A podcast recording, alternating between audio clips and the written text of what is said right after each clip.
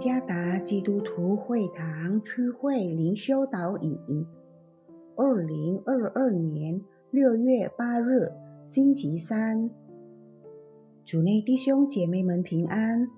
今天的灵修导引，我们要借着圣经罗马书第八章十三到十五节来思想今天的主题：靠着圣灵引导而活。作者。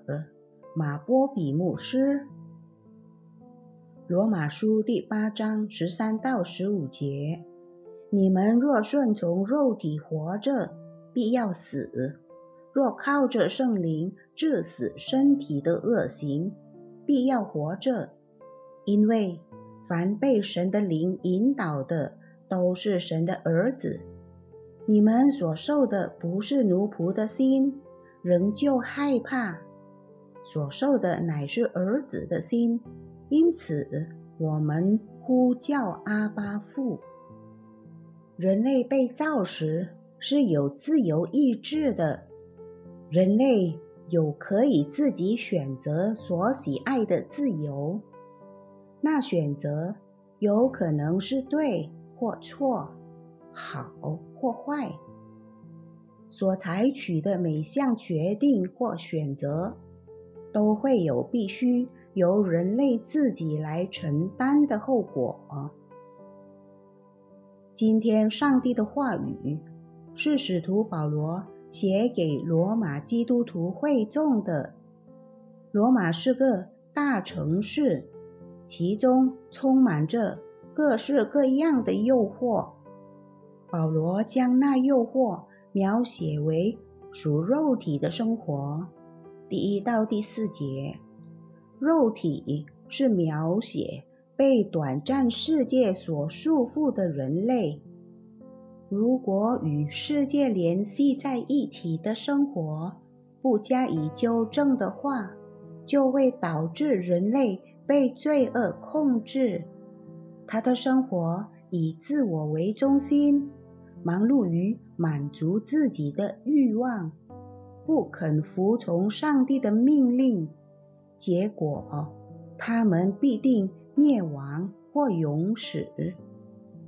第六节，教会确实活在如此这般邪恶的世界中，然而教会的生活必须与众不同，因此教会的生活必须由圣灵引导。由圣灵带领的生活，意味着要活出他话语的真理来。作为上帝的儿女，我们愿意每天阅读上帝的真理圣言，并在生活中实行出来。